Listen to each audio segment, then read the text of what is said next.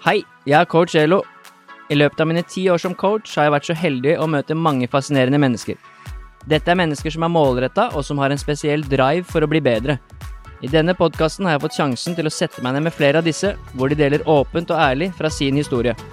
Her deler de både erfaring og verktøy som er verdifulle for alle som ønsker å skape en forandring i livet sitt. Har du et mål eller et ønske om å forandre noe i ditt liv? Da er denne podkasten for deg.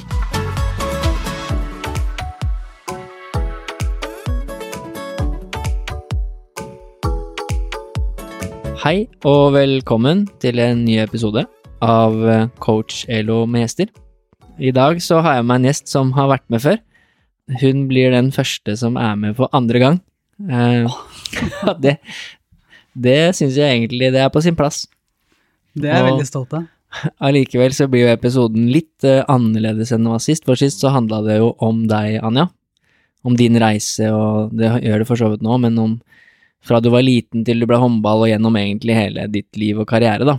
Mens i dag så handler det litt mer om en annen type reise som du hadde for ikke så altfor lenge siden. Eh, til et annet land og et annet kontinent. Så jeg, jeg hørte episoden din i din pod, og så tenkte jeg bare at dette, dette må jeg høre mer om. Og Ja. kanskje egentlig foreslå en episode.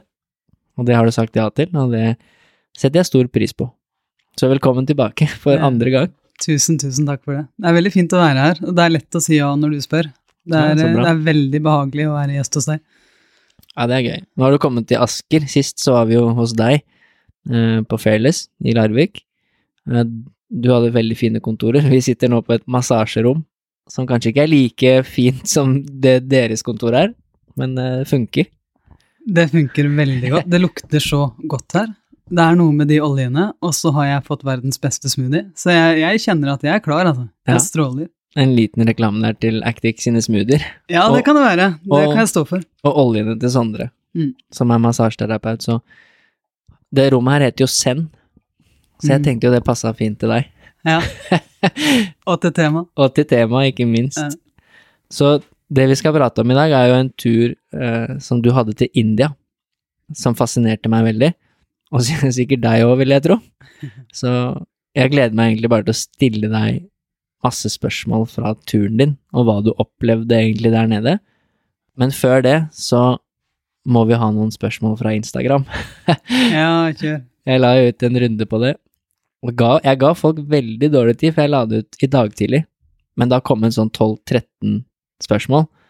Eh, sikkert flere nå. Men jeg har notert ned de, de som kom, eh, fram til klokka halv to i hvert fall. Eh, og det handler jo litt om det, det du jobber med, og det du driver med, da. Så du får bare svare som du ønsker. Så det første spørsmålet, det er eh, fra en person som driver med crossfit. Hun er eh, veldig god, eh, ung og lovende, og hun lurer på hvordan og hvorfor starta du eller dere Heart Mentality? Å, for et fint spørsmål. Det er for å hjelpe flere mennesker med å bli fri på innsida. Og vi har fått lov å kjenne alle tre som driver Heart Mentality, både Tim Rudi Weiteberg, Marius Sørli og jeg selv. Vi har gått den reisa selv, og vi har kjent transformasjonen og kjent hvordan livet kan bli når du åpner opp da, og du følger hjertet ditt, og du kjenner at eh, jeg er faktisk fri på innsida i veldig, veldig mange settinger. Og oppleve den indre roen. For oss, for oss så var det ikke noen annen vei enn å gi den videre. Så det å bygge det community som Heart Mentality nå er, og få lov å møte så mange mennesker hver eneste uke og se deres reise, det inspirerer meg enormt mye. Og jeg blir faktisk litt rørt av å snakke om det, fordi at det er eh, det har, det har vært en stor drøm for meg. Og så vet jeg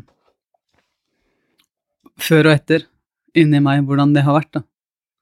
Og det å faktisk oppleve en ekte ro og være sånn som nå når vi sitter her, at jeg vet med hele meg at jeg er her med deg. Jeg er ikke et annet sted. Jeg opplever ikke stress i kroppen.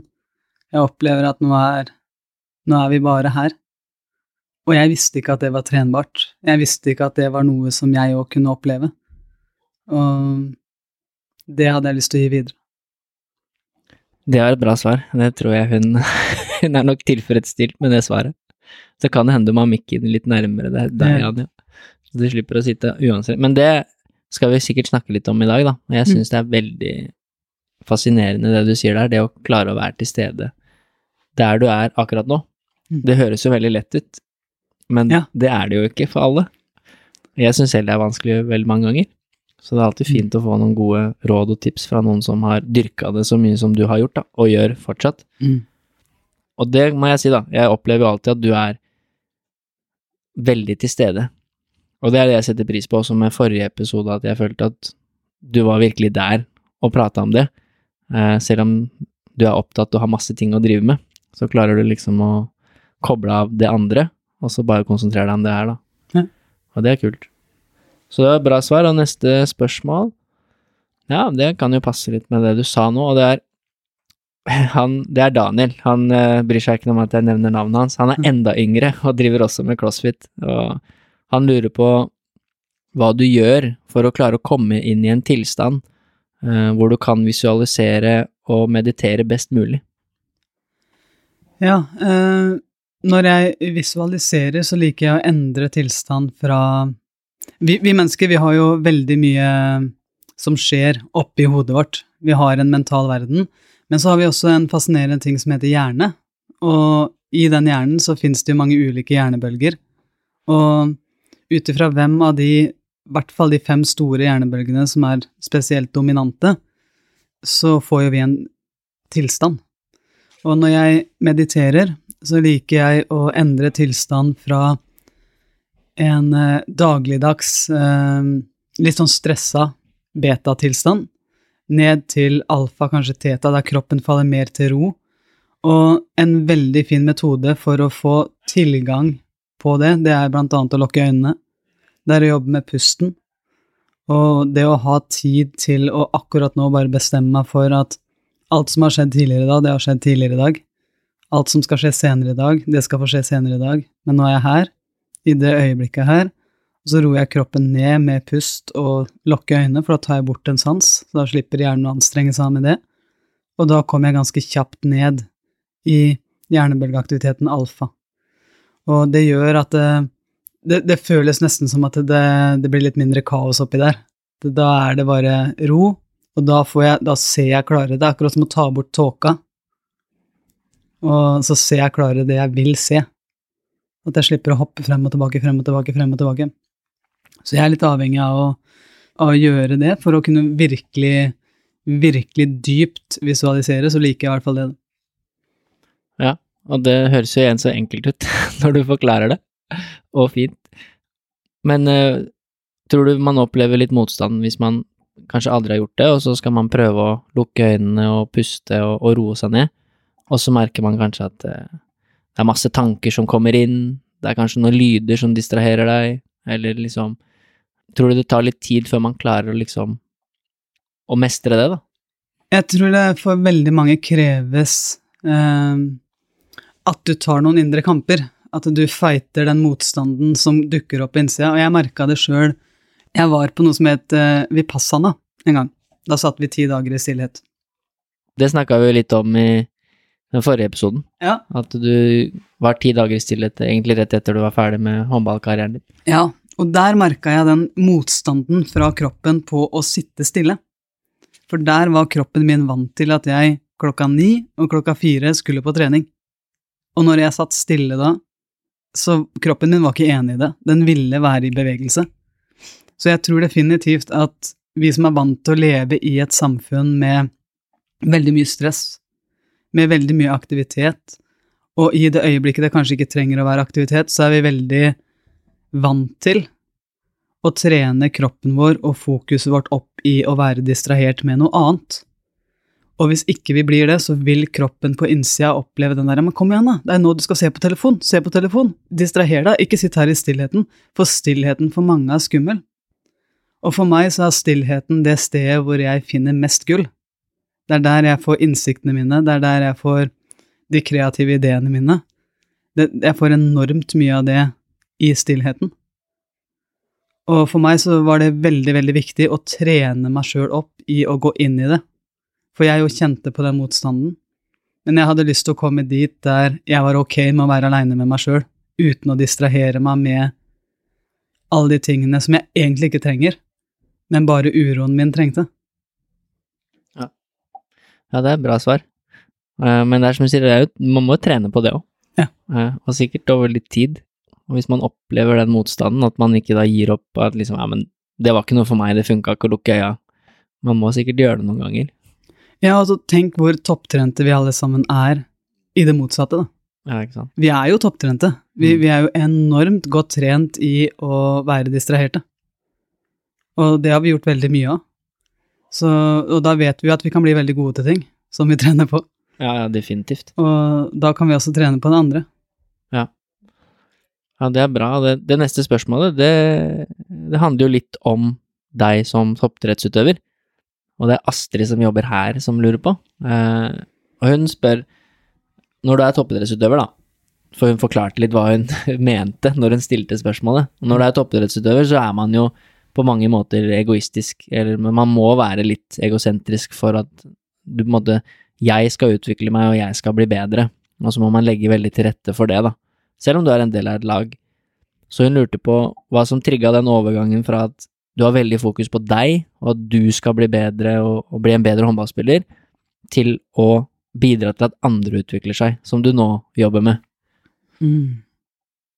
Jeg tror for min del at det her har vært en del av Heroes Journey, som er eh, Vi går en reise, altså jeg går en reise. Jeg tenker, hva hvis det er mulig, da? Og så ser jeg meg selv stadig utvikle meg ved å møte nye mennesker, stå i nye tester, kjenne at jeg feiler, kjenne at jeg lykkes, kjenner at jeg må utfordre mitt eget ego, eh, noe så til de grader. Og så, og så kjenner jeg også at eh, det her handler om mye mer enn bare håndball. Håndball er egentlig en metafor på livet for meg, og det handler om personlig utvikling. Og jeg kan via idretten så kunne jeg begynne å trene opp fokuset mitt. Via idretten kunne jeg begynne å trene opp tilgivelse. Via idretten så kunne jeg begynne å trene opp alle de tingene som jeg drømmer om å være som menneske, ikke bare som idrettsutøver. Og når jeg begynte å gjøre det her, og virkelig gå inn i det, og kjenne hvordan det opplevdes på innsida for meg, så kommer det til et punkt, som det jo gjør i Heroes Journey, der det er ikke noen annen vei enn å gi det tilbake. Gi det videre. Gi det til flere mennesker som trenger tilgang på det samme, sånn at eh, de òg kan oppleve den friheten. Der vi slipper å bruke så mye tid på hva vi andre sier, hvordan vi andre dømmer meg for det her, og heller bare finner ut av hva er mitt gull, og hvordan kan jeg bidra for andre? Hvordan kan jeg bidra for at, eh, for at du kjenner din verdi og ser din verdi?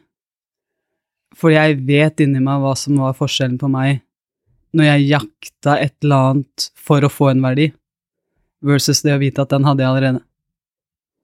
Og den, for meg så finnes det ikke noen annen vei enn å gi den videre. Nei, det er nok en gang et fint svar. og det, det er fint å høre fra en som jeg tror mange har sett opp til som idrettsutøver, da.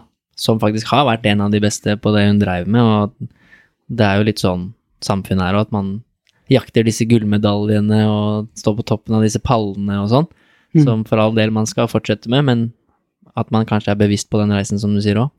Ja, og jeg er veldig, veldig fan av, av mennesker som vinner gull. Det er jo ikke det. Jeg bare har veldig lyst til å se flere som vinner gull, og har det oppriktig godt inni seg. Ja.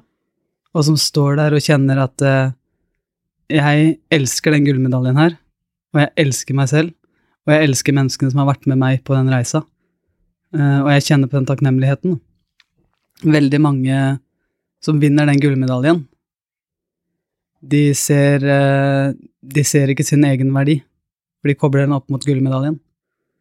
Og, og det er veldig mange som selvfølgelig gjør det òg, men jeg bare drømmer om at uansett hva du oppnår eller ikke oppnår i livet ditt, da, så er det den Ja, men hvordan har du det på innsida? Har du det, har du det godt? Får du sove på kvelden? Er det ok å være aleine med deg sjøl? Og hvis det er det, kjør! Og vær så snill å gi det videre, for det er ganske mange som ikke har det sånn. Har du noen gang tenkt på det sånn nå i ettertid, at uh, du vant jo en del gullmedaljer i, i din karriere, at uh, der var jeg egentlig ikke, hadde jeg det ikke så bra, eller Ja. selv om du vant, egentlig? Ja, ja. ja. Mange ganger, egentlig. Sånn er det jo. Ehm, livet går jo i bølger. Jeg så også Jeg så et veldig tydelig mønster inni meg selv når jeg begynte å jobbe med indre ro. Når jeg kjente at jeg kunne Jeg trengte ikke å ha uro på innsida. Jeg trengte ikke jakte bekreftelser.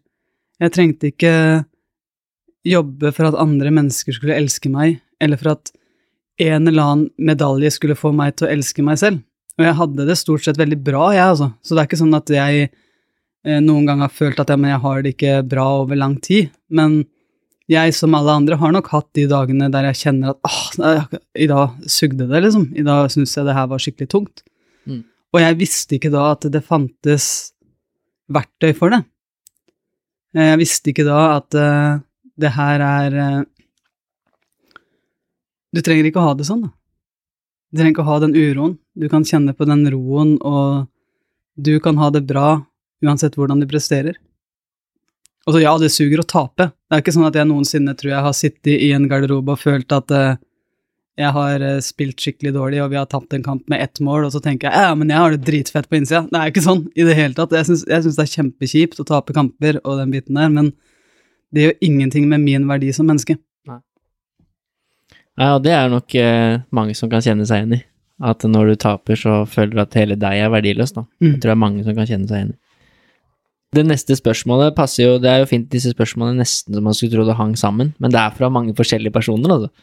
Uh, og han er, han er samtaleterapeut og er veldig flink, uh, prater mye med han selv, og han lurer på hva eller hvordan du forsikrer deg i hverdagen på at du er på rett vei.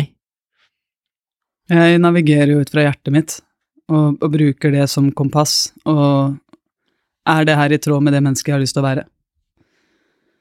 Kjenner jeg at uh, det her er i tråd med mine verdier? Er dette her det jeg faktisk har lyst til å gjøre? Eller sier jeg nå ja fordi at uh, jeg er redd for å si nei? Jeg er redd for å skuffe? Så det å hele tida sånn, stille sånne integritetsspørsmål, da, det sikrer det for meg. Uh, og så kjenner jeg ofte at uh, jeg kan ha sagt ja til ting, for jeg trodde det var rett, og så kjenner jeg etterpå at nei, det var det egentlig ikke. Så da å, å faktisk ta de signalene fra kroppen da, på alvor, og si at det det her, det, det fungerer ikke sånn som jeg trodde det skulle gjøre. Det har vært en viktig jobb for meg å gjøre, for det er veldig lett å unngå å ville skuffe noen. Men det å faktisk navigere ut fra hjertet, og kjenne Du kjenner etter hvert når du begynner å trene på det så begynner du å kjenne etter hva kroppen din sier, da. Det er eh, Jeg pleier å kjenne det med, med musklene mine, og av og til med kjeven. Jeg strammer kjeven hvis jeg blir stressa eller går, på, altså går mot noe som er ekte for meg, da. Men å stramme kjeven merker jeg at jeg, sånn, jeg blir ikke så skjønn. Ja. det blir ikke sånn jeg, jeg kan reagere, jeg kan begynne å bli litt sånn reaktiv, jeg kan bli litt sånn som ikke har lyst til å være, og da vet jeg at her er det et eller annet som er i ubalanse. Her er det et eller annet som ikke som ikke er som det skal være, og så hva er det jeg gjør nå som er på kompromiss av mine verdier, eller av det som egentlig er viktig for meg, da. Ja, og det er det, det oppfølgingsspørsmålet som han hadde på det, det var at eh, eh, av og til så tviler man jo, eller man kan i hvert fall kjenne eller føle på tvil, som du sa, om det er riktig eller om det, om det er rett eller galt, da. Så han lurer litt på hvilke situasjoner er det du tviler, eller om du noen gang tviler, som de fleste mennesker gjør, og hvilke verktøy er det du da bruker for å på en måte finne svar og komme tilbake igjen på kanskje den stien du vil være på, da, at liksom, jo, men dette er rett. Hvis du eksempel har tvilt på noe du gjør, da, altså, hvordan finner du tilbake igjen til det? For meg så er det forskjell på stemmen i huet og stemmen fra hjertet. Vi har jo alle en stemme i huet som driver og prater til oss hele tida, og som driver og forteller oss hva vi syns om ting, om oss selv eller om oss andre. Og bare altså, den stemmen der, den er det jo veldig mange som sier nei, det gjelder ikke meg, jeg har ikke den stemmen. Og alle har den stemmen. Så hvis noen nå sitter og hører på og tenker at det her ble rart, det, jeg har ikke den stemmen, så er det den stemmen der vi snakker om. Ja. Akkurat den stemmen der. ja. Eh, så, så det er den stemmen der, og de, den skravler jo hele tida. Og det er den folk ofte er redde for i stillheten. Hva, hva skjer i stillheten? Men i det øyeblikket du Det er en sånn liten Jeg opplever at det er noe helt annet i det øyeblikket jeg får noen signaler fra hjertet. Det er litt dypere. Så, så for meg så er det veldig viktig å, å høre forskjellen på de to. Hva er det jeg navigerer med nå? Er det den usikkerheten fra huet, den som prøver å beskytte meg, eller er det integriteten fra hjertet? Og det er trenbart. Det ligger kanskje noe i derfor dere har valgt å kalle det for hard mentality òg. Ja. Det sier seg selv kanskje, egentlig, men Og det å vite at det er trenbart, det, det er ganske viktig. ja, men det er spennende. Det siste spørsmålet da fra, fra Instagram, eller det er to jeg skal stille deg som ikke har noe med det her å gjøre, som bare er gøy. Ja. Eh, men det siste fra Instagram, det er eh, en sånn klassisk variant, da, at du, hvis du bare kan velge ett mentalt verktøy å bruke, hva ville du da gjort før en viktig konkurranse? Meditasjon. Ja, det var jo ganske enkelt for deg å svare på. Mm. Meditasjon. Og da må du lære deg det verktøyet først, da. Hvordan du bruker det.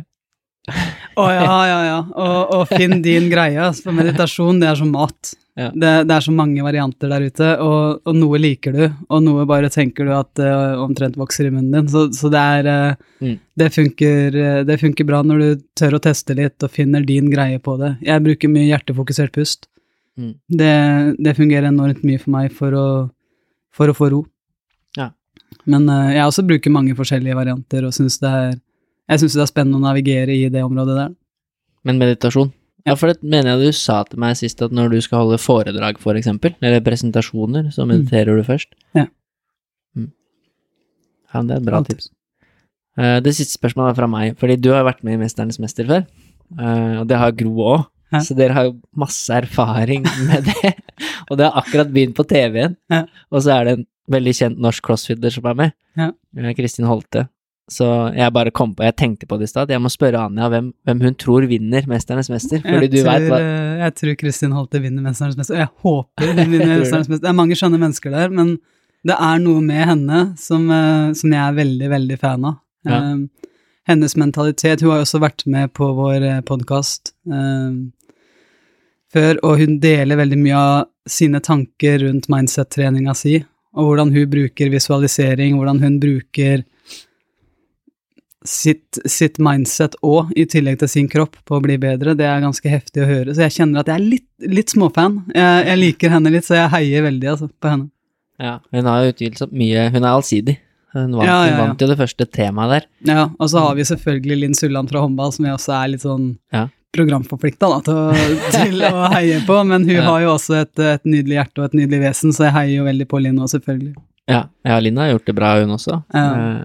Jeg, jeg satt og så på det med en kompis, og begge kjenner Linn, for vi jobba sammen i Vipers, da. Ja. Uh, og da hadde den den fokusøvelsen, den sånn Du, du ikke gjorde så bra. Jeg var så glad når jeg så at Linn liksom nærma seg toppen på den øvelsen Ja. der, sånn, for det, det, det trengte håndballen. Vi Ja. måtte få en håndballspiller litt høyere opp enn det jeg klarte å, å plassere oss. Her var det du og Linka, egentlig. Ja, det er sant, det. er begge, begge to røyk litt tidlig der. Ja. Det er egentlig den øvelsen vi trodde vi skulle naile. Ja. Ja. Men Linn var veldig god på den, og jeg, jeg trodde før den at hun kommer til å være bra på den. Ja. Men det trodde jeg om deg òg. ja, det trodde jeg òg. Det var jeg ikke. Men Linn var bra. Veldig god på den. Ja, men det er fint, Anja. Litt spørsmål fra Instagram er alltid gøy. Og så er det noen der ute som får svar på litt ting, og så stiller de seg sikkert enda mer spørsmål etter at de har hørt ditt svar, og det er bare bra. Eh, da er det jo egentlig ditt eventyr i India det handler om. Det er tema for episoden. Ja. Uh, og jeg vet jo ikke om det Man sier jo at det fins jo ikke noe dårlige spørsmål, men jeg vet jo ikke om de spørsmålene jeg stiller, tilfredsstiller din opplevelse og alt du vil fortelle, så vi må bare prøve, da. Men det første jeg ville spørre om der, er egentlig litt sånn eh, prosessen i forkant, da, Mm. av det å skulle reise til India. Nå snakker ikke vi om at du var i India en helg på ferie, liksom. Eh, Vi snakker om at du var der på en litt annen måte, Mm. som du skal fortelle om nå. Men kan du fortelle litt om den prosessen i forkant, De som var som har fått deg til å ha lyst til å dra dit, og ikke minst at du måtte prate med din bedre halvdel om det, og så alle de tingene der, som jeg syns var gøy fra den episoden du hadde, da. Ja, jeg eh, er jo veldig dratt mot India og har vært det i mange år. Eh, Jeg har alltid hatt en drøm, egentlig, om å reise dit. Jeg syns de har et syn på livet, et syn på mennesker. I hvert fall akkurat der jeg var, da, i India. India er jo uendelig stort, men der jeg var, så, og det er der jeg har hatt lyst til å reise. Det, det som fascinerer meg, det er hvordan de ser på det menneskelige potensialet. Det er hvordan de klarer å se og hjelpe mennesker med å, med å ha en sånn intens, ekte lykkefølelse. En følelse av kjærlighet innenfra og ut. Og, og hvordan de da bruker pust, meditasjon, og litt andre teknikker for å bidra med det. Så jeg var veldig nysgjerrig på Jeg har jo gjort det mye her hjemme i Norge, men jeg var veldig nysgjerrig på hvordan er det å være der nede og kjenne Du vet, av og til når du kommer inn i rom, så kan du kjenne energien i rommet. Har du merka det? At av og til så går du inn i et rom, og så er du på en fest eller et eller annet, og så kjenner du at her er det godt å være. Men andre ganger når du går inn i et rom, så kan du gå inn i et rom og tenke ja, men shit, her må jeg jo skjære meg gjennom lufta omtrent. Her er, det, her er det et eller annet som gjør at det nesten er litt vanskelig å være.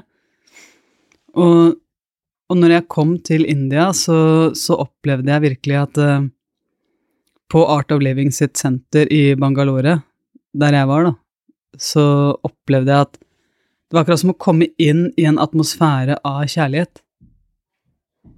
Og det var en veldig, veldig spesiell spesiell følelse inni kroppen, som ikke det går an å lese om, men det, det var alle menneskene jeg møtte, jeg bare følte at det er bare kjærlighet. Det var ikke noe flørting, det var ikke noe sånn baktanker på noen måte, det var bare hva kan jeg gjøre for deg?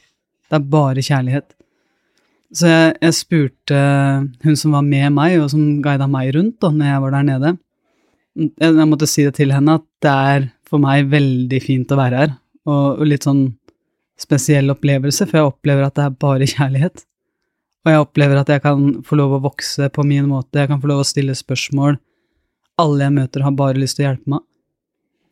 Og så sier hun ja, men det er jo det er jo sånn vi har lyst til å være mot hverandre og med hverandre. Og så stiller hun meg spørsmålet, da, for vi visste at jeg kom fra idretten.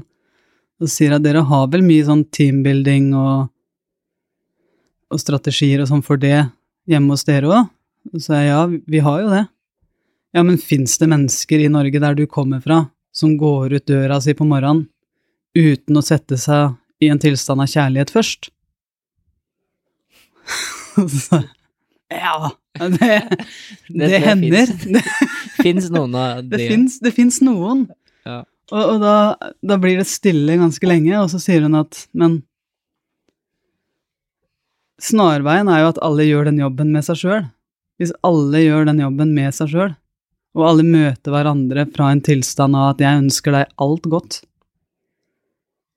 så, så har du mye større sjanse for å kunne gjøre alle de tingene som vi lover hverandre å gjøre. Og litt av utfordringa med det, da, det er at her hos oss så har vi kanskje det som intensjon, men vi har også stress som kommer på utsida. Stress, bekymringer, uro, egoet som har lyst til å skinne, som kommer på utsida av alt det andre. Og vi er ikke like gode, syns jeg, da enda, til å sette oss sjøl inn i den tilstanden av oppriktig kjærlighet før vi går ut døra og møter andre mennesker. Eh, noen er jo det, og, og gjør det helt naturlig, men se for deg hvordan et møte kunne foregått, hvordan en garderobeprat kunne foregått, hvis alle oppriktig var der for å bare ønske hverandre vel. Det er den ekte intensjonen. Så for meg så var det Det var en av veldig, veldig mange historier som virkelig satte spor for meg der nede, og Nei, det gjorde inntrykk, og jeg skal definitivt tilbake igjen. Eh, for meg så blei det jeg hadde store forventninger, men det overgikk de forventningene. Å få lov å komme ned dit og lære mer om meg sjøl, lære mer om kulturen, lære mer om ikke minst hva er det som er det ekte potensialet inni mennesker. Jeg så ting der nede som jeg bare tenker at wow. Jeg pleier å stille spørsmålet hva hvis det er mulig, da? Og, og der nede, så hvis jeg hadde tatt med tatt en håndfull mennesker fra Norge og plassert de der nede, og vist de de tingene, så ville folk flest tenkt at ja, men det her er jo magi, det her er juks, det her er fake, det fun det, sånn funker ikke. Men det funker. Og de, de, trener på det, og de har tilgang på det, og de bruker det her sånn for å gjøre verden bedre, og det er spennende. Ja, og jeg håper jo selvfølgelig at du skal si enda mer om det nå, eh, utover ja. litt i episoden, men jeg, jeg bare prøver å bryte det litt ned, for å bare prøve å forstå hele den reisen din, da. Uh, for det er som du sier, jeg, jeg, tror det er, som du nevnte litt før vi begynte å spille inn, det er kanskje vanskelig å sette ord på opplevelsen for at andre skal forstå hva du mener, eller hva du så eller opplevde, da. Uh, uten at man tenker sånn som du sa der, at ja, men herregud, Anja, det der er Det går ikke an, liksom. Uh, så det første jeg vil spørre om der, er jo litt sånn Kan du ta oss gjennom reisen din fysisk ned dit? Altså sånn uh, du tok åpenbart fly ned dit og alt det der. Liksom, hva, hva tenkte du på veien dit, når du nå var på vei ned der aleine? Liksom forventninger, følelser, tanker Nå liksom, nå skulle du endelig dit. Ja, ja. Klarer du å beskrive noe av liksom den som du gikk gjennom der? Ah, ja, det var eh, en ekte indre feiring når jeg kom meg gjennom passkontrollen i India. Og grunnen til det var at det er jo så mye å huske på. Og jeg følte meg litt som et sånn Jeg kunne like gjerne hatt på meg 'Jeg reiser aleine'-skilt. Ja. ja, det var mye visum, og det var mye korona, og det var mye sånn som jeg skulle huske på, da. Eh, og så heldigvis så hadde jeg god guiding av Inge Andersen, eh, som da var i India, men på et annet sted. Eh, så han kom jo ned til det samme stedet jeg var på etter noen dager. Men det å reise ned dit, det var en reise av spenning, mye meditering og enormt mye takknemlighet, egentlig. Både for at jeg var på vei ned til noe som jeg drømte om å oppleve, men også fordi at eh, jeg har en kone som da er hjemme og heier på at jeg drar, og som tenker at eh, hun Jeg vet at hun faktisk ønsker det for meg, da. Selv om hun ikke nødvendigvis eh, hadde lyst til å være med sjøl. Og det syns jeg er ganske stort. Og, og det å kjente jeg vel Det tok også mye sånn plass hos meg i forhold til takknemlighet. Da. Jeg var veldig glad for det. Ja, det, det var jo noe av det jeg syntes var så fint med den episoden du hadde, for da, da var det jo du og Gro som prata om det her. Ja. Uh, det, denne episoden skal jo ikke handle om det, men du kan jo si veldig kort der på det, liksom Det krever jo litt, som du sier, det å skulle unne noen andre det, når du vet det går utover så mye, da. Det gikk vel utover ferien deres med barna, så vidt jeg husker, og, i episoden og litt sånne ting. Uh, kan du si noe om den, den dynamikken der, for at Ja, dere det- klarer å få det til å funke, liksom? Ja, og, og jeg er jo der at for meg så er det veldig viktig å være i et forhold der vi er ærlige med hverandre på hva vi faktisk vil, og ikke bare svarer det jeg tror at den andre vil høre. Og, og, og det er der jeg tror at vi oppriktig kan vokse i forholdet vårt, da. Og det er lett for meg å si jo, jo, skatt, så klart vil jeg være med dere i høstferien. For jeg har jo lyst til det òg, sant? Jeg har jo det òg, men, men når den sjansen nå kom, og det er noe jeg har drømt om i mange år, så kjente jeg at jeg, jeg trenger å være ærlig på hva jeg faktisk vil her. Sånn at uh, Sånn at jeg blir Det, det ville gjort meg mest stolt. Det var å tørre å være ærlig på hva det jeg trenger, hva det jeg faktisk vil nå. Og også faktisk da være ærlig på at uh, jeg vil gjerne høre din tanke, uh, og, og jeg er klar for din tanke. Uh, for jeg vet at du har helt andre tanker om høstferien enn at jeg skal reise vekk, da. Men jeg, jeg tror det er viktig for både Gro og meg å tørre å ta de samtalene, og vi har lova hverandre at vi, vi heier på hverandres drømmer, og samtidig så er vi veldig opptatt av at vi skal ha vi skal ha et forhold der vi har tid til hverandre, til barna, og ja, at ikke jeg plutselig tenker at ja, men jeg drømmer om å sitte i fjella i Himalaya i tre år. det, jo, det hadde jo vært eh, en litt annen samtale da, men eh, Mm.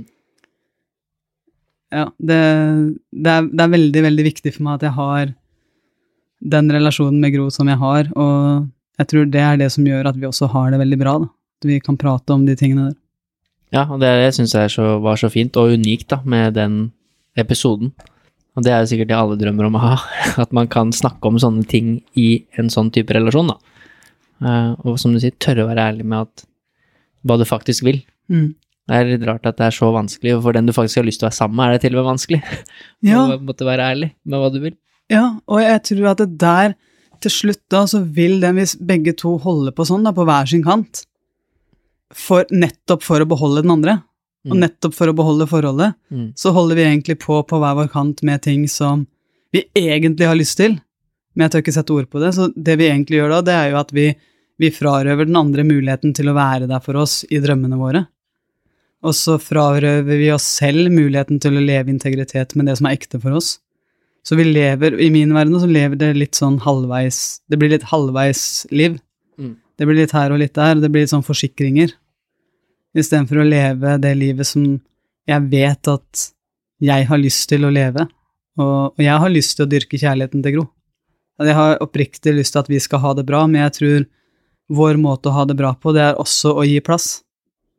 og, og også ta den samtalen at nå, nå syns jeg det har blitt for mye plass. Ja. ja. Ja, Og tørre å ta den samtalen der òg, da. ja. At det trenger ikke å bli tre år i India, liksom. en uke er greit. En uke er greit.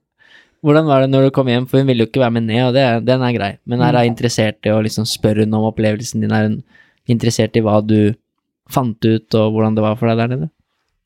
Ja, hun er jo det. Og så Og så er hun også veldig sånn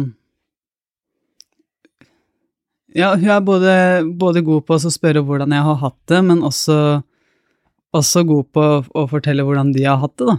Og forsikre meg om at de har, altså, livet har ikke sugd for de fordi om jeg har vært borte.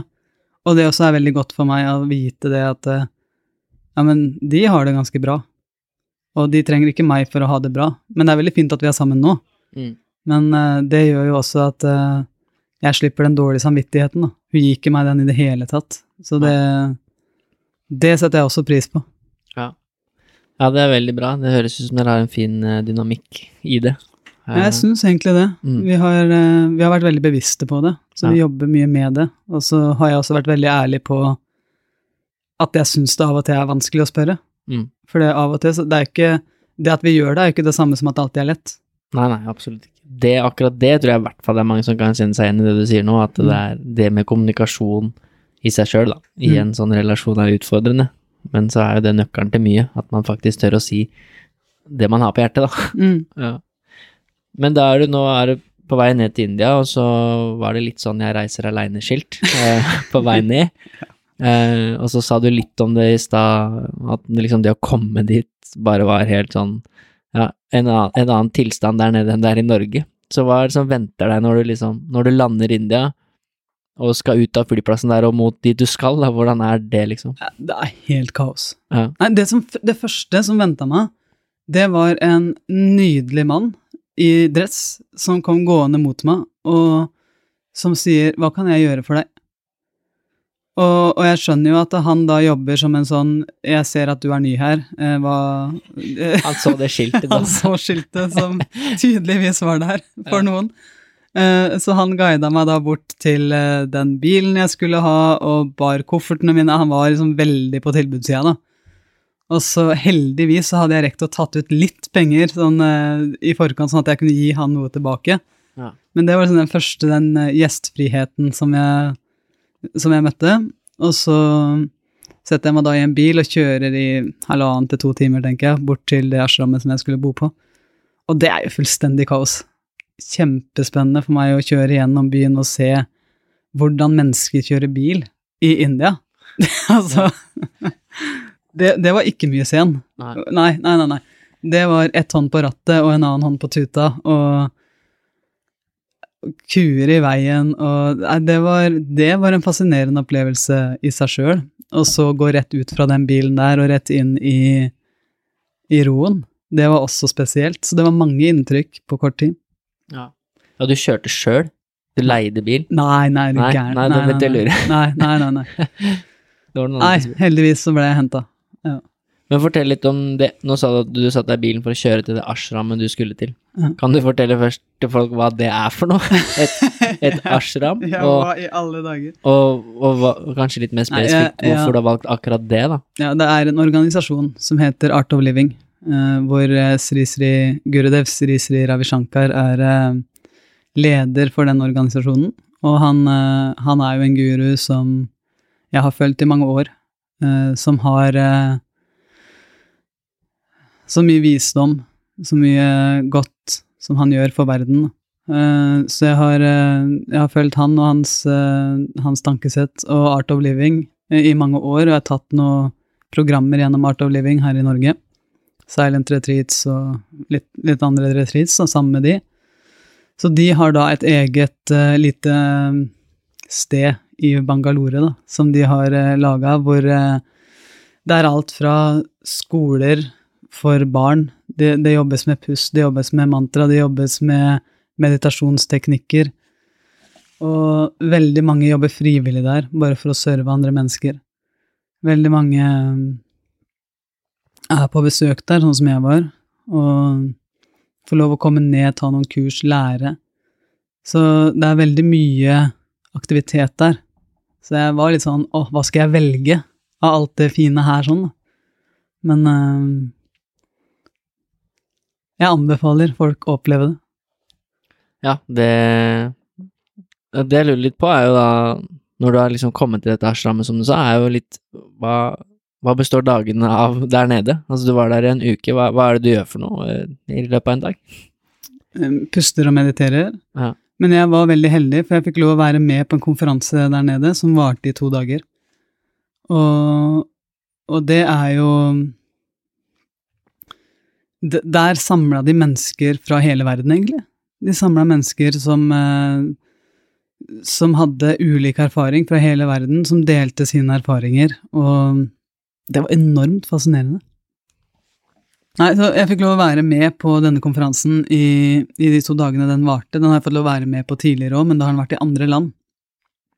Og de resterende dagene da, så De som var igjen, da Jeg mediterte. Jeg tok et program innen eh, mantrameditasjon, som jeg da fikk av mitt eget mantra. Eh, jeg lærte veldig mye om eh, ulike guder i hinduismen, som jeg syntes var veldig spennende. Og, for jeg har alltid vært fascinert av ja, hva som finnes der ute, da. Og så lærte jeg veldig mye om meg sjøl, ikke minst.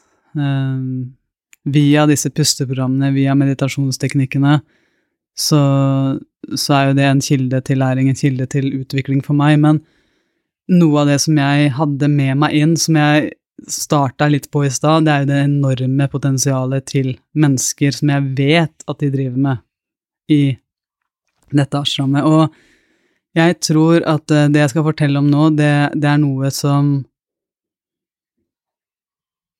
som kommer til å, håper jeg, da, inspirere like, like stort som det inspirerte meg, til deg som lytter. Fordi en av de tingene de gjør i Art of Living sitt senter, det er at de trener opp barn i intuisjon. De har egne intuisjonsprogram for barn, og det var en av de tingene jeg virkelig drømte om å få lov å oppleve i India. Eh, vi har jo alle intuisjon. I Norge så kaller vi det ofte magefølelsen. Eh, men der nede så trener de opp barn til å se uten å bruke øynene. Og det har jeg alltid vært nysgjerrig på. Hvordan gjør de det, og hvordan ser det ut, og hvordan er det for meg å, å se det live? Møte disse barna, prate med dem og se de utføre det her.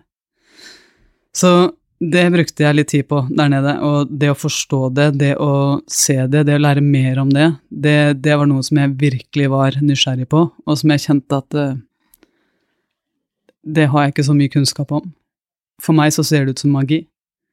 Men når jeg kommer ned dit og møter disse barna og lærerne deres, så spurte jeg om jeg kunne få lov å teste hvordan det her er, hvordan det her gjøres. Så jeg fikk lov å, å møte noen av barna aleine, da. Og jeg har videoer av det på telefonen, så, og det, det ser helt rått ut. Og det, det var en helt vanvittig opplevelse, fordi en av tingene vi gjorde, det er at foran meg på gulvet så lå det mange tusjer i ulike farger. Og så lå det en lapp, eller et ark, da, vanlig A4-ark. Hun ene som var foran meg, hun var 13 år, og hun tar på seg sovemaske, altså blindfold, hun ser ingenting. Og hun kjenner ikke meg, hun vet ingenting om meg. Jeg, er bare en eller annen fra Skandinavia som har kommet til India, liksom, og så sitter en tolvåring foran meg. Så hun, hun, ser ikke, hun ser ingenting. Jeg tar en penn, og så skriver jeg Gro, Mio, Leo, tegner jeg et hjerte rundt, og så sier jeg done. Og hun har fortsatt sovemasken på seg, og hun strekker seg etter den samme pennen som jeg akkurat har brukt, som hun ikke har sett fargen på, men det var nøyaktig den fargen jeg tok og hun skriver Gro, Mi og Leo hjertet rundt. Og jeg bare No way! No, no, no way! Det her går ikke. Eh, selv om jeg tenker at selvfølgelig gjør det det. Men det blei ble et enormt øyeblikk for meg, så tenkte jeg hva La oss teste det her en gang til. Så henta jeg fram en Rubiks kube, og så scrambla jeg den. Og så la jeg den i handa hennes, og hun tar den imot, scrambleren, done. Den var helt løst. Og da, da, begynner jeg å tenke det her er spennende, og i min logiske da eh, motstanden i meg sier jeg, jeg vet jo det, for jeg har jo studert det programmet i noen år, så jeg vet jo at ikke det er fake. Men en liten stemme inni meg sier det må komme lys inn i den maska. Det, det er en liten som fortsatt henger igjen, selv om jeg akkurat har sett det. Jeg har prøvd sovemaska, og jeg ser at det kommer ikke noe lys inn. Og det er eneste måten vi mennesker kan se på det, hvis det kommer lys, hvis øynene har tilgang på lys, da. Eh, men det kom ikke noe lys inn når jeg hadde den på meg. Og så tenkte jeg umiddelbart at eh, det her må jeg spørre om. Så jeg stilte læreren spørsmål, fordi jeg sa at jeg skal være helt ærlig, så i, der jeg kommer fra, så ser det her ut som magi. Og, og jeg er helt nødt for å stille spørsmålet Kommer det lys inn? Og hun begynte jo å le, for vi hadde jo fått det spørsmålet noen gang. Og hun, eh, hun sa at uh, det kommer ikke noe lys inn. Og nå har det her blitt såpass Det har spredt seg såpass mye utover i, i både Europa, faktisk, men også i verden, at forskere har begynt å henge seg på. Så de har begynt å koble elektroder på hodene til disse barna. Og det de ser, da, det er at den visuelle cortexen, det, det lyser ikke opp i det området i hjernen når de holder på med det her, så det kommer ikke noe lys inn. Det er det eneste de vet. Og så spurte jeg da, men hvordan fungerer det? Og så, så ser hun, hun, læreren på meg, så sier jeg, men Anja, hvem er det som har sagt til deg at du bare ser med øynene dine? Og for meg så ga det så mening da, fordi at jeg vet jo at jeg ser med andre ting enn øynene mine, for jeg kan nå fortelle deg hva jeg gjorde i går, og jeg kan se det for meg i bilder. Sånn, vi bruker det visuelle i den fantasien vår hele tida, så jeg spurte hun tolvåringen som jeg fikk lov å møte, da. Hva skjer? Det kommer ikke noe lys inn, men du vet nøyaktig hva du skal gjøre med Rubiks kube, du vet nøyaktig hva du skal skrive med en tusj som du også nøyaktig vet fargen på. Hvorfor vet du det her? Og så tar hun hånda si til det punktet mellom øyebryna sine, og så sier at det kommer Det kommer opp et flashbilde her av hva jeg har foran meg. Og det er sånn hun jobber, da. Og så spurte jeg, men har du alltid hatt tilgang på det her? Nei, nei, nei, nei det, det er noe jeg har trent opp. Hun begynte med det her da hun var seks år, så jeg skjønte jo at jeg fikk Det er mulig, og det vet jeg ikke, det er mulig jeg fikk LeBron James på en måte, av studentene. Men så klarte jeg ikke helt å slippe det, så jeg spurte hun samme læreren kan jeg få lov å marinere de inntrykkene jeg har nå, og så komme tilbake om to–tre dager og møte noen flere.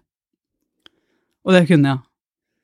Og da fikk jeg møte to nye barn, 12–13 år, en gutt og en jente, som satt og gjorde akkurat det samme. Og de hadde også med seg sånne gode, gamle bildekort med mange figurer på og sånn. Og så sa de bare gi meg et kort, så skal jeg fortelle deg hva det er. Og, og for meg så er det ikke egentlig viktig å, å si de tingene her sånn fordi at eh, jeg har lyst til å At de tre ungene skal være så spesielle. For eh, det, det, som er viktig, og som de òg understrekte hvis jeg skulle gi den historien her videre, da, det var å nettopp si det. Vi er ikke spesielle. Og det var de veldig, veldig bevisste på. De hadde begynt med det her i noen år i forkant, de hadde fortsatt å trene på det, og det var den eneste grunnen til at de kunne det. Det er på samme måte som at eh, jeg er ikke spesiell for det men jeg kan lese det du skriver. Jeg har bare trent på det. Og i starten, da jeg begynte å trene på det, så klarte jeg én og én bokstav, kanskje, hvis jeg huska rett. Og nå klarer jeg å sette de, de, bokstavene sammen. Og nå klarer jeg å lese det, det er fordi jeg har trent på det. Så det er det samme for de, da. De, de er ikke spesielle, og de sier det hele tida. Jeg er ikke spesiell, verden må vite at jeg er ikke spesiell. Men jeg tar i bruk en sans som andre ikke tar i bruk, og jeg trener på den. Og den friheten kan alle ha. Og så spurte jeg de to siste som jeg møtte, spurte hun jenta først. det, var så, det, det var så fint. For da fikk jeg lov å stille henne spørsmålet Hva er annerledes i ditt liv nå som du kan det her, er det mer enn bare et partytriks? Så kan du bare ta med det her tilbake på skolen og si 'Hei, folkens, følg med nå, ta testen meg', liksom. Og hun bare 'Nei, det er egentlig bare dere som er interessert i, i, å, i å, se det her sånn'. Så sier jeg 'Men hvorfor gjør du det? Hva er det du bruker det til nå?' Og en av tingene hun brukte det til, det var å stå tryggere i egne valg. Så jeg har en helt annen selvtillit. Jeg stoler på meg selv på en helt ny måte. For jeg vet at jeg kan ta rett valg for meg. Og hun blir jo helt blank i øynene, jeg blir helt blank i øynene. Jeg tenker Fins det noen finere gave vi kan gi til barna våre enn at du kan stole på deg selv og være trygg i den du er? For du vet at du kan navigere ut fra riktig kompass, da. Så spurte jeg han gutten ved siden av hvordan han brukte det, og han var tennisspiller. Og så bare lo han, og så sa han at jeg bruker det til to ting. Jeg kan jukse på prøver. og så sa han at i tennis så er jeg alltid der før ballen. Så han hadde blitt raskere uten å bli fysisk raskere. Han bare var der, han visste hvor ballen kom, så han var der før. Ikke sånn et kvarter før, for det rekker han jo ikke, men han, var, han, han klarte å reagere mye raskere, da, for han visste hvor den kom til å komme. Og, og det er jo for meg ganske stort. Og jeg ser da hvor enormt mye potensial vi mennesker har, og kanskje hvor lite av det vi egentlig bruker fordi vi ikke trener på det. Tenk hvor enormt mye som har endra seg i vår verden etter at vi lærte å lese. Hvor mye lettere ting har blitt fordi vi nå kan lese. Og hvis ikke vi hadde trent på det, så plutselig så møter vi noen som kan lese, og så tenker vi ja, det var jo lurt. Men det er sikkert bare en gave du har. Men eh, hvis vi nå mer og mer og mer, for nå er det mer og mer forskning rundt det her, sånn, og nå er det mer og mer mennesker som tar det i bruk. Så jeg spurte jo Gurudev Sri Sri Ravi Shankar, jeg fikk lov å møte han. Det var egentlig ganske stort at jeg fikk lov å møte han og stille han et spørsmål aleine når den dagen jeg skulle dra, da. Og så spurte jeg han om hans blessing for å få lov å få det programmet her sånn til Norge. For det kjenner jeg en stor, stor, stor passion for. Jeg har veldig, veldig lyst til at norske barn skal kunne få lov til å kjenne den tryggheten inni seg sjøl, og ikke minst for å få lov å kjenne at jeg har et enormt potensial inni meg, og jeg kan få det ut. Og hvis, hvis, jeg kan begynne å gjøre de tingene her, hva annet kan jeg da finne på? Det blir litt hva hvis det er mulig, da, for meg. Så han, eh, han ga meg faktisk den, da. Han sa at ja, du kan ta det her til Norge. Og så gikk jeg rett til lærerne, og så spurte jeg hva skal til for å få det her til Norge. Mm. Og da sa de to dager. Vi trenger en invitasjon, det er nummer én, så trenger vi å være der i to dager. du tuller. Har du planlagt noe videre på det? Jeg eh, Jeg har en følelse av at det kommer til å skje. Ja. Jeg har ikke gått dypere inn i planlegginga av det enn å lufte det litt med litt forskjellige mennesker, for jeg vet at jeg kommer til å trenge hjelp, og jeg kommer til å trenge å ha lærerne her.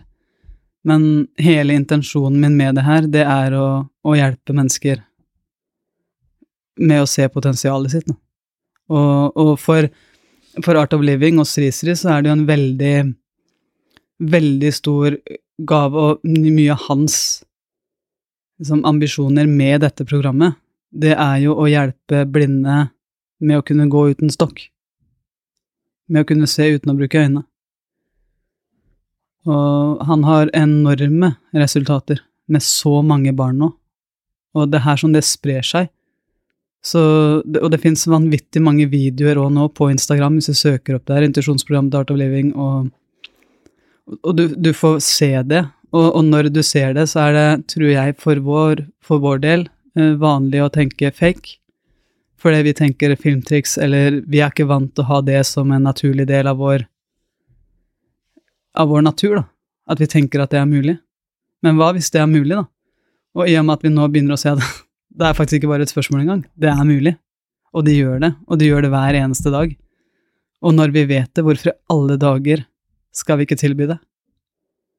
Hvorfor skal vi ikke bruke den delen av oss som virkelig kan gjøre at vi står robust i egne valg? Så ja. Det, det var veldig kort svar på det spørsmålet. det var en kul eh, historie, da. Ja. Jeg tror man trenger eh, Først så trenger man eh, flere som deg som har et åpent sinn på den måten, da. Noen må liksom gå foran for det også, på en måte. Mm. Og så er det nok som du selv sa i stad, hvordan skal jeg fortelle disse historiene for at folk på en måte ikke skal bare tenke at herregud, bare tull det du snakker om, liksom. Ja. Eller at det faktisk er sånn er det, jeg så det med mine egne øyne, opplevde det, på en måte. Man ja, og det som er gøy, da, det er at alt du trenger å gjøre hvis du tenker det her er tull, men jeg er litt nysgjerrig likevel, mm. alt du trenger å gjøre er å sette deg på et lite fly til India, 16 timer etterpå så kan du se det med dine egne øyne. Ja. Og, og da, ikke fordi det er så viktig å bevise at jeg har rett, Mm. men fordi at jeg tror det kan endre synet på veldig mange i forhold til potensialet i mennesket. Ja. Og vi kan nok, eh, som du sier, trene oss opp til å bli gode på veldig mange ting Mm. som vi ikke engang ser for oss at det er mulig. Men sånn er det jo til en viss grad også, det du forklarer nå, det er jo til en viss grad sånn med det vi også her i Vesten ser, at de som er veldig gode på noe. Mm. Det er sikkert mange som tenkte det når de så deg spille håndball, at bare det, det der kommer jeg, det går ikke an, kan- kommer jeg aldri til å klare, liksom. Mm. Men det er som du sier, det er jo fordi du har trent på det. Mm. Lenge. Det er en naturlig konsekvens av Ja. trening. Det er at du ofte blir bedre på det du trener på. Ja. Og det gjelder jo uansett om du velger å trene på det som er bra for deg, eller du velger å trene på det som er dårlig for deg. Mm. Alt blir en naturlig konsekvens av det du trener på. Og det passer jo litt med det spørsmålet. Jeg har skrevet noen spørsmål som jeg Det ene var hva gjorde sterkest inntrykk på deg? Og det kan jo hende det var flere ting, men det virker som Ja. det her ga Ja, ja, ja. et sterkt inntrykk. Ja. Eh, og et annet spørsmål er eh, om, det, om den turen til India skapte en endring i deg. Om du bare kan Mm. fortelle noe rundt det, hvis det skapte en endring, hvordan type endring var det? Ja, det gjorde det. Uh, Jeg fikk, eh, jeg fikk mange fine læringer der nede. Den ene var at jeg satt og venta på, på en massasjetime sammen med hun som jeg snakka om i stad. Hun som fortalte meg at de pleier å sette seg sjøl i en tilstand av kjærlighet før de går ut døra. Hun var også med meg i den sofaen før jeg skulle inn og ha massasje. Og så sier hun til meg Hun spurte om jeg ville ha litt vann av flaska hennes. Og så forter hun seg før jeg har svart, da, og sier at jeg har ikke drukket den. Men jeg så at uh, flaska var bare halvfull. Og så, og så, og så bare smilte jeg, og så, og så sier hun at jeg drikker aldri av flaska med munn. I tilfelle noen jeg møter trenger vann. Mm. Så jeg heller. Og jeg hadde lagt merke til at hun gjorde det her. Jeg hadde lagt merke til at hver gang hun drakk av flaska, så bare helte hun. Men for meg så er det et partytriks. At ja, sjekk hva jeg kan gjøre, så lang stråle, liksom. Um, men for henne så var det helt naturlig, og jeg spurte ja, men hvorfor har du egentlig drevet med det, hvorfor drikker du aldri av flaska, for jeg har lagt merke til du gjør jo faktisk ikke det. Hun sier at eh, det kan jo hende at jeg møter noen som er tørste, og da har jeg lyst til å tilby dem vann. Mm. Så det, det er den derre hele tida forberedelsen på å kunne hjelpe andre, da, Ja. som jeg lot meg veldig inspirere av der nede. Hvordan har du, eh, eller hvordan implementerer du det i din egen hverdag, da? Eller har du gjort noen sånn helt konkrete ting, selv om jeg tror du er ganske flink på de tingene her fra før, men har du gjort noen sånn konkrete ting du har begynt med for å sette deg i en tilstand av kjærlighet før du går ut døra? Jeg, jeg gjør det jo hver dag, hver morgen, eh, sjøl. jeg, jeg har noe som jeg kaller for points, positive intensjoner.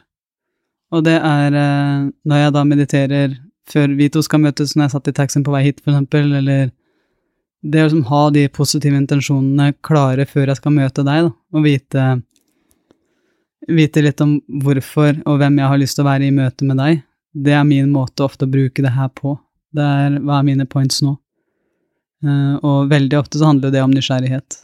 Det å velge hva er mine positive intensjoner i det jeg skal inn og i det menneskemøtet her, hva er mine positive intensjoner, jeg skal spille en podkast, hva er mine points i forhold til når jeg skal etterpå møte Gro og Leo, eh, hva er jeg nysgjerrig på i deres dag? Det å bare ta meg, og det tar ikke lang tid, men det å ta en sånn liten, liten check-in, sånn at jeg vet at når jeg møter de, så er jeg der med de. Og da vet jeg hva jeg er nysgjerrig på, jeg vet hva jeg har lyst til å spørre om, og så er jo det bare det første møtet, og så lever vi litt mer i det som skjer i bilen selvfølgelig etterpå, men men bare det å sette tilstanden i egen kropp, da, det er ganske viktig for meg. For jeg vet at hvis jeg går rett fra en ting til en annen i en stressa tilstand, så er ikke jeg på mitt beste i det hele tatt. Så jeg bruker mye meditasjon og, og points, egentlig. Mm. Ga det deg mersmak å være der nede? Ja, ja, ja. Jeg skal Jeg skal være så ærlig å si at det gjorde det, og jeg drømmer jo om å ha med familien min ned dit. Mm. Um, og også venner. Marius Sørli, Tim Rudi Weiteberg og flere. Jeg har så lyst til å dele de opplevelsene her med flere, så jeg har sagt jo til medlemmene i communityet vårt at uh, la oss bare reise ned og, og, og, se det her sånn sammen. Det er noe med å gjøre det med mennesker som er oppriktig engasjert, da, Mm. og som syns at det her hadde vært interessant. For jeg ser noen ting som jeg tror vi hadde hatt godt av å implementere mer her hjemme, men fortsatt gjøre det tilpassa vår hverdag. For vi, vi kan ikke leve den på den måten som de gjør der nede, nødvendigvis. Vi har jobber, vi har barn, vi har forpliktelser her hjemme som gjør at vi trenger å finne ut av hvordan implementere det i den hverdagen som gjør det mulig, da. Og det er mulig, og det er noe av det som jeg virkelig ja, virkelig jobber med å få ut. Ja, det er kult.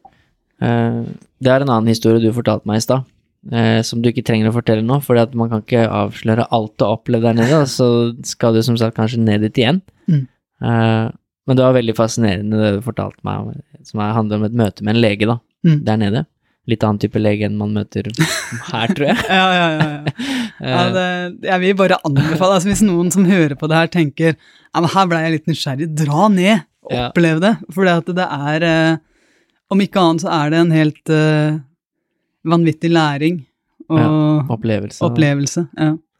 Uh, Ja, det håper jeg at det er flere som blir inspirert til. Det tror jeg også. Men uh, samtidig at det er litt det er mye å fordøye, da, når man Ja. hører sånne historier. Uh, At det kanskje holder med den historien. ja, la, oss, la oss holde oss der. Ja, ja. Men det jeg, som jeg er litt jeg er veldig opptatt av, som vi prata om i stad, er jo mat, hva vi velger å putte i oss. Mm. Og det kan vi jo på en måte relatere til. Altså, vi putter i oss mat her òg, akkurat Ja. som India. Hver dag, hele tida. Mange ganger om dagen. Ja. Uh, og der nede så sa, fortalte du meg bare så vidt at du var med inn på kjøkkenet i det ashrammet, da. Mm.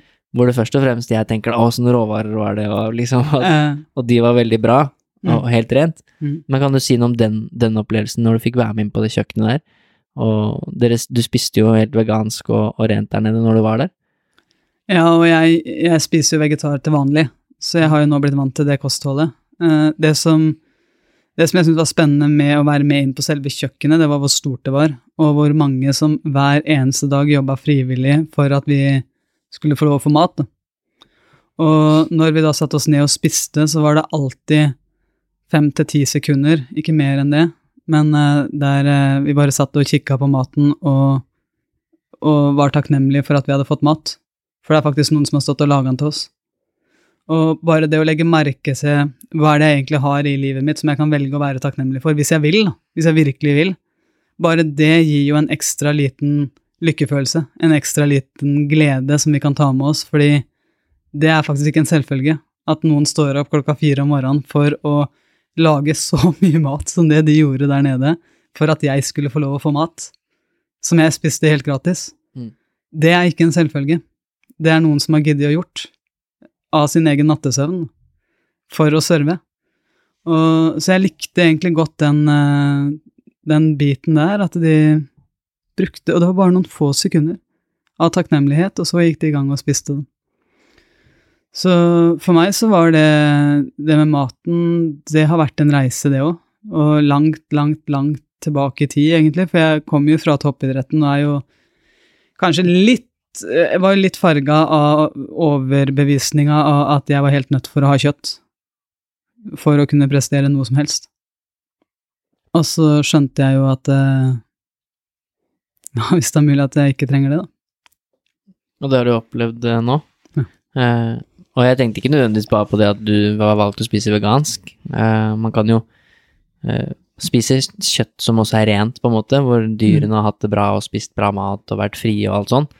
Mm. Eh, så jeg som nerden i meg tenkte jo litt på liksom råvarene. Var, var det godt, den maten du fikk servert? Var det liksom Det er, ja, det er bare helt fantastiske råvarer og veldig mye smak. Hvordan klarer du å liksom Eh. skille det hvis du Klarer du å forklare det på noen måte at hvordan det oppleves å spise det som er helt rent, som du sier, kontra kanskje mye av det vi får her i Vesten som er tilsatt veldig mange ting, da. Det er litt sånn som jeg fikk smoothie av deg i stad, eh, Ja. hvor eh, du, du kan kjenne at det er fresht. Mm, Du kan kjenne Og så er det nesten sånn at jeg kan kjenne at kroppen min takker meg. ja. Det er den, der, det er den følelsen der. Og det som var litt spennende, det er at de har jo Der nede så De har veldig mye desserter. Mm. Det, det tenkte jeg ikke over, hvor, hvor viktig det var med dessert for de. Og, men det var det, da. De, de skulle ha masse desserter. Ja. Så det var jo én dessert for hvert måltid, omtrent. Så, så det syns jeg også var veldig spennende å, å få lov å, å smake så mye annerledes mat. Teste som Jeg bestemte meg for før jeg dro at uh, jeg tar den der drikkevaksina så ikke jeg blir dårlig i magen, for jeg har tenkt å smake den maten som er her nede. Ja. Og, og jeg smakte jo på absolutt alt, og ja. elska det. Jeg syns det var så mye, mye god mat. Mm. Ja. ja, kult. Jeg syns sånt er interessant. Jeg er veldig opptatt av mat. Både at det er godt, selvfølgelig, og ser bra ut, og sånn, men også når det er rene råvarer, syns jeg alltid det er spennende. Ja. Men det er kult. Det høres ut som det har vært eh, litt av en reise. Selv om Ja, det bare var i en uke, så har du opplevd mye. ja. Mm. Når du sier det sånn, så høres det veldig Ja, men det er ikke alle turer som er endrende, da, Nei. for hvem du er og hva du vil og Nei, det er det ikke. Men eh, jeg, føler, jeg tror ikke det var noe sånn Det var nok ikke noe livsendrende for meg, for jeg var jo allerede veldig klar over hva jeg vil i livet før jeg dro ned dit, da. Ja.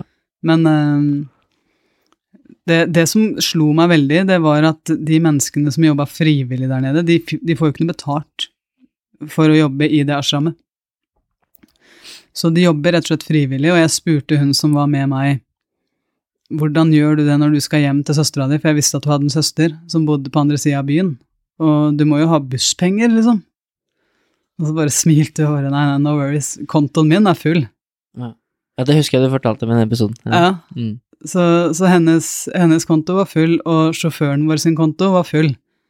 Eh, fordi at eh, mange av de har jo jobba på Wall Street og hatt sånne høye stillinger i advokatfirmaer, og de er jo høyt utdanna, og mange av de har jo hatt, eh, av de som jobber frivillig, har jo hatt eh, vanvittig godt betalt jobber før de kom inn der, og, og kanskje leita og leita og leita på den karrierestigen av noen, hvor de bare fant ut at uh, det her er jo Ja, for det var det jeg lurte litt på når du sa der, at kanskje Tror du det er derfor de er der? At de har Hvis de har levd uh, Wall Street-livet, da. uh, at liksom Ja, de har funnet ro. Ja, for det er jo jeg, jeg tror at det er ofte ro veldig mange leiter etter. Ja. Roen må være nok. Roen må føle seg elska. Mm. Og, og det er veldig lett å legge det ansvaret på et annet menneske. At Ja. du må sikre at jeg føler meg elska. Men, Ja. eh, men det er noe med den greia når du, når du skjønner at den skapes selv. Mm. Og, og jeg syns det er veldig godt å, å få lov å være i, i forholdet med Gro uten å legge ansvaret på henne på at jeg skal føle meg elska. Sånn jeg, jeg vil jo virkelig at hun skal kunne jeg, jeg vil at vi skal ha vår greie, men jeg vil også ta ansvar for min egen indre kjærlighet. Da. Ikke at hun skal måtte føle at hun må ta ansvar for at jeg føler meg nok. Nei, Men, hun, eh, hun er bonus, på en måte. En vanvittig bra bonus! altså det, Oppå det hele. ja, det er akkurat det som er. Og, og det, å, det å starte med å ta det ansvaret sjøl, og så møte en der jeg, jeg bare kjenner at vi kan elske hverandre av helt rene intensjoner. Ja. Og bare fordi vi har lyst til å være sammen, og fordi at vi har lyst til å, å dele et liv sammen. Da. Det er eh, Ikke at du skal få dekka noe som du ikke har i deg sjøl, liksom. Nei. Det kunne vi sikkert snakka mye om. kunne sikkert lagd en episode om det òg. Ja. Men det er veldig kult å høre deg prate om det. Jeg har selvfølgelig et par spørsmål på slutten, men veldig kult å få høre mer om det, da. Så Fordi, fint, for takk. disse historiene fortalte du ikke i den episoden. Da var det mer bare at du dro til India, egentlig. Vet du hva, det her er første gang jeg har fortalt om intuisjonsprogrammet i, en, eh, i en setting hvor uh, mer enn to kan høre det. Så kult. Ja, er ikke enda, da, men Nei, hvis jeg får lov å legge ned, så Ja, ja det, det får du lov til. Og det Jeg har gått noen runder, som jeg sa til deg i stad, med Jeg har så lyst til å dele det her med noen, og så er det litt sånn som vi i Norge kan av og til tenke at ja, men det her er vi ikke vant til å se. Nei. Så jeg syns det av og til kan være litt krevende å ordlegge meg. Men samtidig så syns jeg det er så viktig å dele kunnskapen. Ja, definitivt. Og ikke minst også opplevelsen som kan inspirere andre til å gå og sjekke ut sjøl. Ja, og om ikke annet så i hvert fall vit det at du har, du har et helt vanvittig potensial inni deg. Mm. Og, og bare fordi noe er uutforska, så betyr ikke det at ikke det er der. Og vi lever jo i et liv hvor vi blir programmert. Fra, fra den dagen vi blir født, så blir vi programmert til å tenke at uh, livet skal være på en, bevisst, en bestemt måte. Og at det fins noen regler her, og det fins noen uh, sett med måter å gjøre ting på. Og, og vennene våre forventer visse ting, foreldrene våre forventer visse ting. Og så kommer vi på en måte inn i en bås der vi tenker at ok, da, da havna jeg her, da er det sånn jeg er. Og så glemmer vi å se på utsida, da, av den bossen og tenke ja, men hva hvis det er mulig å gløtte litt på utsida, og tenke at du kan vokse, og tenke at uh, du har noe inni deg som, uh, som er vanvittig stort. Det er så stort, og du kan tappe inn i det. Mm. Det er som alltid inspirerende å prate med deg. Om man kunne har hatt eh, en lang episode om det her. Jeg er veldig glad for at du stiller opp, da, og kommer, og i det hele tatt sier noe. Ja. Spesielt hvis det er eh, første gang du prater om det høyt òg, så Mm. blir det jo litt ekstra stas Mm. å få det ut i poden. og jeg, jeg ville stille deg noen spørsmål på slutten også, som handler selvfølgelig om Det ene handler om deg, og det andre handler litt om de tingene vi har snakket om. Det høres jo, som jeg sa i starten, veldig sånn lett og fint ut. deg. Bare lukke øynene og puste, og så kommer alle svarene til deg. Ja. Uh, og så forklarte, forklart, forklart du etterpå at det er ikke nødvendigvis så lett, fordi det er Mm. mye motstand på veien der. Mm. Eh, og nå er det jo litt sånn Vi har snakket om det er så mye eh, I India, i det ashramet, var det kanskje mye ro, og på en måte enklere å finne den roen. Det er ikke nødvendigvis så lett i den hverdagen vi lever. Vi er Mm. liksom opptatt hele Det er så mye informasjon, det er så mange verktøy. Det er så mange apper for hvordan du skal sove bedre og puste bedre og meditere og Det finnes så mange ting, da. At Mm. jeg tror folk blir helt sånn Akkurat som det gjør med kosthold eller trening eller Sånn Mm. får du muskler, eller sånn blir du sterkere. Ikke sant? Det finnes hundretusenvis av uh, programmer og informasjon. Ja. Så mitt spørsmål er liksom hvor Hvis man vil dykke mer i det her, som du har snakka om nå, mm. eh, få komme dypere ned i seg sjøl, da. Ja. Ned i disse hjernebølgeaktivitetene hvor du kanskje er litt mer stillhet, hvor du kan finne andre svar enn det du finner i en stressende hverdag. Hvor skal du begynne? I det hele tatt, liksom. For å, den reisen, hvis man er helt liksom sånn fersk, men jeg har lyst til å utforske det her, Mm. hvor skal man begynne når det er så mye å velge og Ja, jeg, jeg kommer jo ikke utenom å anbefale vår egen app. Nei, Det er jo altså- det er jo Det, jeg tror virkelig på det vi gjør, og jeg vil jo anbefale deg å, å gå inn der. Nå kom jeg faktisk på det at jeg har faktisk delt det med medlemmene der. De har fått vite det. ja, De, okay. føles, de føles som hjemmebane for meg, så de, de sier alltid. Men, Ja. eh, eller så å si, da. Men eh, Nei, jeg, jeg tror at det, det fins så mange ulike måter å gjøre det på. Uh, og, og det første man egentlig kan starte med, det er bare å registrere at uh, Registrere hva vi driver med. Hva er det du egentlig driver med i løpet av din dag? Og når, når vi begynner å legge merke til det, så begynner vi å skjønne at vi har egentlig ganske mye tid. Ja, definitivt. Vi har veldig mye tid. Mm. Vi har like mye tid som alle andre. Og så er neste spørsmål da Hvordan bruker du den tida? Hvordan bruker du den tida når du Når du er på vei til jobb? På vei til trening? Bare de små mellomrommene, liksom. Det er magien i mellomromma òg. Det trenger ikke være mye. Det er det som er så fint. Det trenger overhodet ikke være mye. Vi har noen små mellomrom gjennom dagen vår hvor vi virkelig kan gjøre det her, og det, det er du som eier din tid. Det, det er det mange som ikke er klar over. De tenker Mm. nei, nei, tida mi, jeg eier ikke tida mi. Jo, det er vi ikke lært opp til å tenke, men du eier din tid. Og den får du ikke tilbake igjen heller. Nei, plutselig så kommer livet og rister i deg, og så har du ikke mer tid. Mm. Og da Da hjelper det ikke også å tenke jeg skulle gjort. Nei, absolutt ikke. En sånn klassisk test som vi gutta gjør noen ganger, og sikkert jeg venninner også, er jo å sjekke den eh, delen på innstillinger på telefonen din som sier hvor lenge du har vært på telefonen din Ja. hver dag. Ja. Hvor mange timer du har vært på forskjellige apper og sånn. Mm. Og det er jo en helt sinnssyk greie for mange, bare bruker jeg så mange Ja. timer? Det er det å registrere hva er det jeg holder på med egentlig. Ja. Ja. Det er jo en fin test, syns jeg, Ja. som er kanskje er relevant for mange i vår verden, da. Hvor mye tid er det egentlig du bruker på den skjermen? Ja. Uh, kanskje du kan bruke det på noe annet òg. Det er mulig. ja. Uh, Og så er det, det er noe magisk i den stillheten, altså. For der får du så mye svar. ja. Det, det å bare bruke, si du bruker 30 sekunder da, i den stillheten. Du har sikkert merka det av og til, sånn rett før du sovner, så plutselig så kommer du på ting. Mm. Eller du står i dusjen, og så ah, der kom jeg på et eller annet. Uh, og det handler jo om at du får litt stillhet rundt deg. Og hjernen din får kobla seg på igjen, den tåka forsvinner bitte litt for et lite sekund. Og så plutselig så får du tilgang på noe som du egentlig trengte. Det kan være dagens to do-liste, eller noe du skulle huske på, eller Mm. hva nå enn det var. Da. Så Men det er som å si å finne den stillheten, eller å Mm. klare å skape den og tørre å gå inn i den. Det fins jo, som du sier, mange måter å gjøre det på. Mm. Uh, Du må bestemme deg for om det er det du vil, Ja. og så prioritere det. Mm. Så, og, og være klar over at du møter motstand hvis du prøver på det. Ja, ja, innenfra og utenfra, altså fra andre Ja. mennesker òg. Jeg har jo Mm. blitt veldig tydelig nå overfor spesielt familien min, at nå går jeg og mediterer. Ja. Så til og med Leo på fire sier jo det til kompisene til Mio på ti, at eh, du kan ikke gå opp for Moa mediterer. Mm. Ja. så det er en veldig respekt rundt, rundt det, da. Og det å sette den standarden for omgivelsene dine, det tror jeg er lurt. For med en gang Ja. du er forplikta deg til andre òg, så kommer du til å gjøre det. Ja. I hvert fall større sjanse for at du kommer til å gjøre det. Det siste jeg vil spørre deg om, det handler om deg, og jeg vet at du òg følger Jay Shetty lite grann. Mm. Han er en kul type og fin podkast, og han deler masse, ja, veldig, veldig mye som Mm. er kult.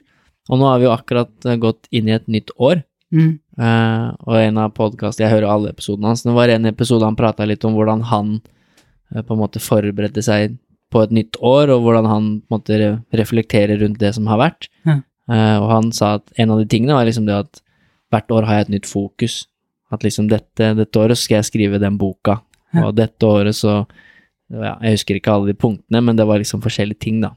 Uh, har du noen mål eller løfter eller ønsker eller ting du vil gjøre i 2023? Eller Det er så rart at du tar opp akkurat det, for det her har ikke vi prata om. Nei, nei, vi har ikke pratet om Nei, og, og jeg har Jeg hørte den samme episoden som deg, og når han Ja. sa det, så lurte jeg på om det her må jeg ha hørt før, for jeg gjør jo akkurat det. ja, Jeg gjør akkurat det der. Jeg har en sånn eh, headline det Phil- kunne jeg se for meg. Ja, Phil Jackson hadde jo det i den Netflix-dokumentaren med Chicago Bulls og Michael Jordan, Ja. eh, som han kalte for dette sesongen som heter The Last Dance. Han var veldig spirituell eh, type Ja. trener. Ja, og Mm. han eh, Han òg gjør jo det, og jeg også har en sånn overskrift for året. I fjor så var det personlig utvikling, Mm. og, og i år så er det produsering. Ja, kult. Så, så jeg også, og det var helt rart at du tok opp det nå, for det er akkurat, eh, jeg har akkurat faktisk prata med Marius om det, at eh, det her var rart. Mm. Men eh, vi også har jo egentlig akkurat det der som vi, vi styres etter. Og, og det betyr ikke at vi da legger personlig utvikling på hylla i år, men hva er det som er i førersetet, da? Hva er det som er i fokuset vårt, og fokusområdet vårt nå? Og det er Ja, jeg, jeg liker det. Jeg liker å sette fokus på noe, Mm. Og så og jobbe ut ifra det. Produsering. Det blir Ja, å se. Ja, det, jeg har laga, jeg har allerede begynt. Jeg har jo hatt Mm. en lang pause sjøl fra podkasten min. Første Ja. episode kom ut i dag, når vi spiller inn den her. Ja, cool. um, å høre. og, og grunnen til at jeg tok den lange pausa, det er nettopp fordi at jeg skaper i stillheten. Ja. Det er der jeg får tilgang på de tingene jeg har lyst til å skape. Så jeg har skapa i juleferien nå eh, litt nye konsepter, og begynt å produsere litt på de nye konseptene, fått litt feedback fra våre medlemmer. Og så nå er det det å produsere på det som, eh, som står i førersetet i år, da, for meg. Ja, Og det er alt fra korte motivasjonstaler, inspirasjonstaler, til eh, meditasjoner, så klart, som jeg lager mye av. Eh, men også det som blir sånn kreativt skapende fra meg, da, som er løpende mindset, hvor jeg lager løpeøkter, Mm. og, og også det som jeg kaller for meditation. Ja. Så ja, så jeg skaper mye, og året i år er året for å produsere mer av det, da. ja, det blir spennende. Mm. Og jeg kan jo kanskje være med å skape bitte, bitte, bitte, bitte litt av det, som du har spurt meg om. Ja, jeg gleder meg også. Vi har jo noen løpeøkter som eh, har blitt veldig populære, Ja. eh, hvor jeg eh, guider samtidig som noen løper, da. Mm. Og et av, en av tilbakemeldingene fra medlemmene, det er at de kunne tenke seg det samme i styrketrening. Og da Ja. tenker jeg, hvem er best på det her? Han sitter, han sitter jo rett foran meg! altså, Jeg vet ikke ikke om jeg er best på det, men det er hyggelig i hvert fall. ja, så jeg gleder meg veldig til å lage det. det. Det er gøy å lage noe som kan bety noe for noen, Ja, og ja. som kan gjøre en forskjell. Det er vel grunnen til at vi gjør det vi gjør. Ja. Det handler mye om å hjelpe andre mennesker, da, på Ja. forskjellige måter. Eh, men så kult. Det, kanskje det handler litt om det du kom Det første du sa til meg når du kom inn døra i dag òg. Det er jo litt produsering, det òg. Som du sikkert skal få Ja, ja, ja. ja. snakke om etter hvert. Men eh, så spennende. Eh, gleder meg til å se hva du får produsert i 2023. ja takk for det, altså. Og Takk.